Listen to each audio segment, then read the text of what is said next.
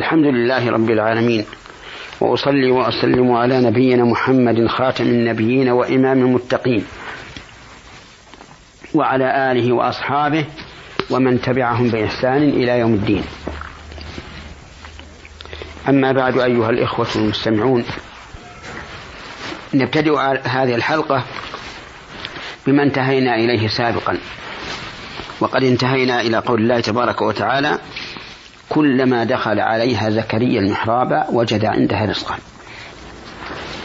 قال أن يا مريم أنى لك هذا؟ قالت هو من عند الله إن الله يرزق من يشاء بغير حساب. فمن فوائد هذه البقية من الآية الكريمة إثبات الكرامات لأولياء الله عز وجل. إثبات الكرامات لأولياء الله عز وجل. والكرامة هي الأمر الخارق للعادة الذي يجريه الله عز وجل على يد ولي من أولياء الله تكريما له وتأييدا لما هو عليه من الحق. فكرامات الأولياء لها فائدتان. الفائدة الأولى تكريم من وقعت له.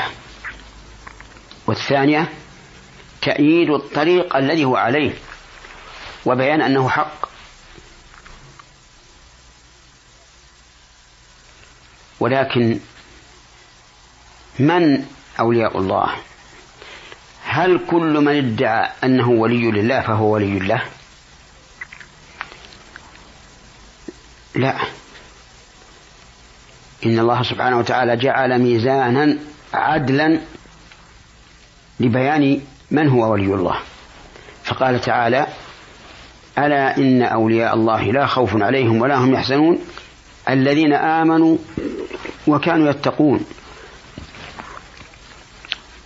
فالإيمان راسخ في قلوبهم والتقوى سارية في جوارحهم.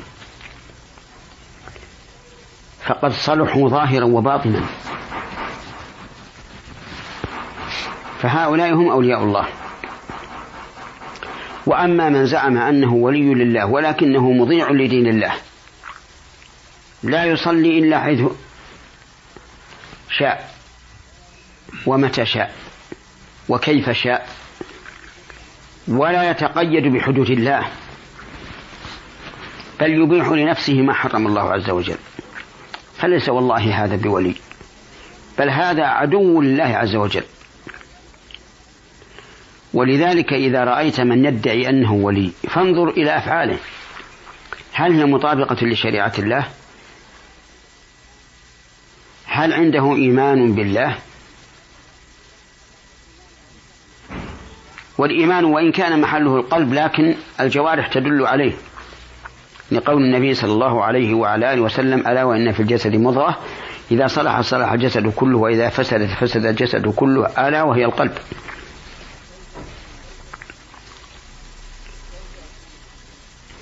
كيف يكون من أولياء من أولياء الله؟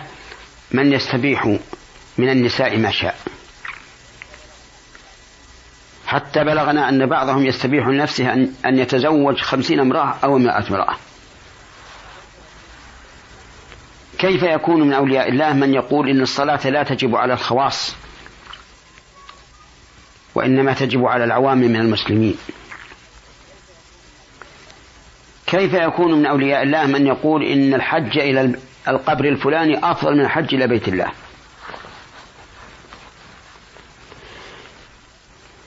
إلى غير ذلك مما يدعيه الأدعياء أدعياء الولاية.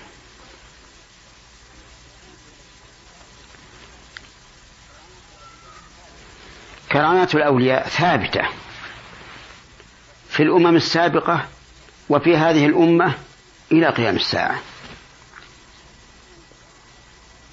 في الأمم السابقة هذه القصة. الرزق الذي يجده زكريا عند مريم. على وجه ليس بمعتاد. ومن ذلك أيضا ما جرى لمريم نفسها عند ولادة عيسى. فقد أجاءها المخاض إلى جذع النخلة. قالت يا ليتني مت قبل هذا وكنت نفسا منسيا. يعني يا ليت هذا لم يصبني. فناداها من تحتها ألا تحزني. قد جعل ربك تحتك سريا. فكلي واشربي. كلي من ثمر النخل.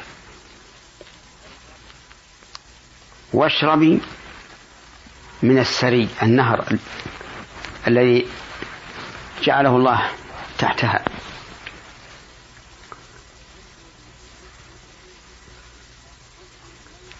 ثم قال وهزي إليك بجعل النخلة. قبله نعم. قد جعل ربك تأتيك سرية وهزي إليك بجذع النخلة. أنا نسيت قدمت آية للآية لكن هذا الصواب قد جعل ربك تحتك سرية وهزي إليك بجذع النخلة.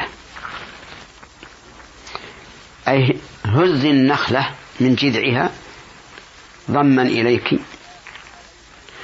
تساقط عليك رطبا جنيا. هذا من آيات الله. من كرامات مريم. كيف امرأة أجاءها المخاض إلى هذا الجذع؟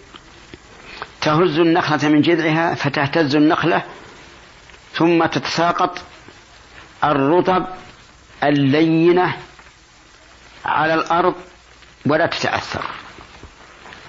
لأنه قال رطبا جنيا كأن الإنسان جناه بيده. فكلي واشربي وقري عينا.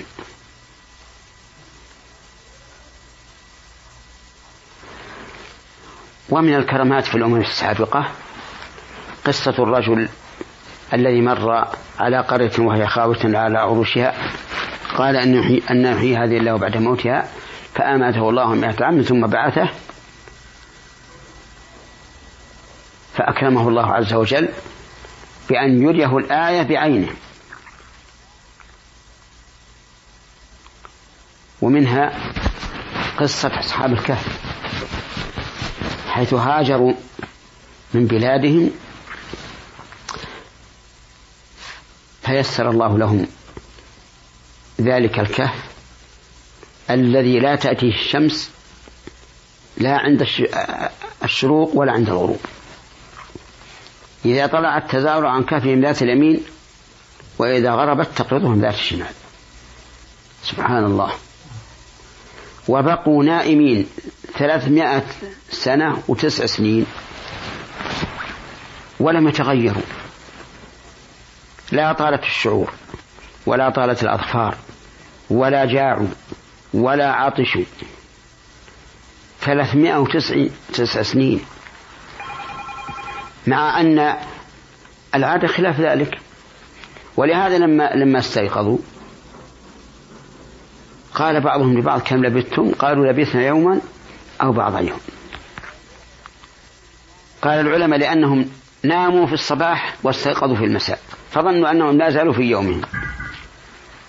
حماية لهم وحفظا ثم أن من حماية الله لهم أن الله قال لو اطلعت عليهم لوليت منهم فرارا ولملئت منهم رعبا. أي لهربت فارا مرعوب القلب. حماية لهم. وإلا لكان كل إنسان يدخل على هذا الكهف وينظر إلى هؤلاء القوم. سبعة وثامنهم كلبهم لا إله إلا الله. والكرامات كثيرة. في هذه الأمة حصلت كرامات عظيمة. كرامات عظيمة للصحابة وللتابعين. وهي في التابعين أكثر.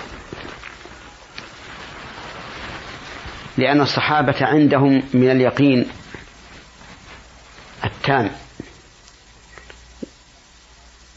والإخلاص الخالص ما يغنيهم عن الكرامات التي تؤيد إيمانهم وتقويه. وهي موجودة إلى يوم القيامة.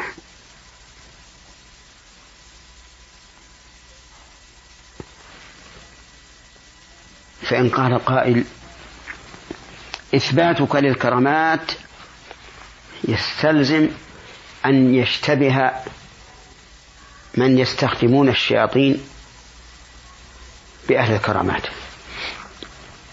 فالجواب ما؟ لا لا اشتباه.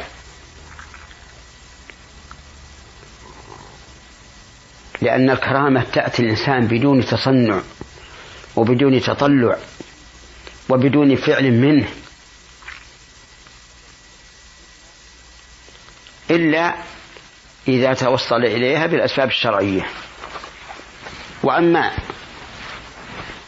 الذين يستعينون بالجن فإنها لا تأتيهم الخوارق إلا عن قصد واستخدام للجن. هذا وجه. وجه آخر أن أصحاب الكرامات عندهم من الإيمان والتقوى ما أجرى الله على على أيديهم من الكرامات ما يؤيدهم ويشهد لصدقهم. وأما الذين يستخدمون الشياطين فعلى العكس تجد الرجل يستخدم الشيطان وهو بعيد عن المظهر الديني في شكله وفي زيه وفي تقصيره في الواجبات. ونحن إنما نقول كرامات الأولياء.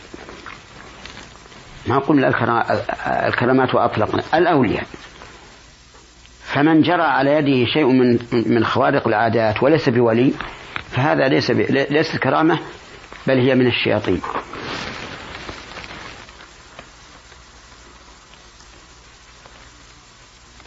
ومن فوائد الآية الكريمة قوة توكل مريم حيث لم تأتي بشيء يحتاج إلى مجادلة. قالت هو من عند الله. وكفى. لا قول لأحد بعد هذا القول.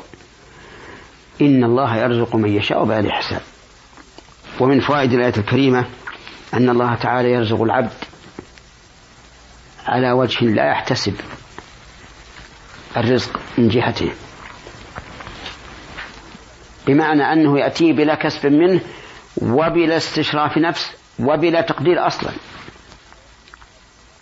ويشهد لهذا قوله تعالى ومن يتق الله يجعل له مخرجا ويرزقه من حيث لا يحتسب ومن فوائدها أن رزق الله لا نفاد له ولا إحصاء له. فهو سبحانه وتعالى يرزق من يشاء بغير حساب.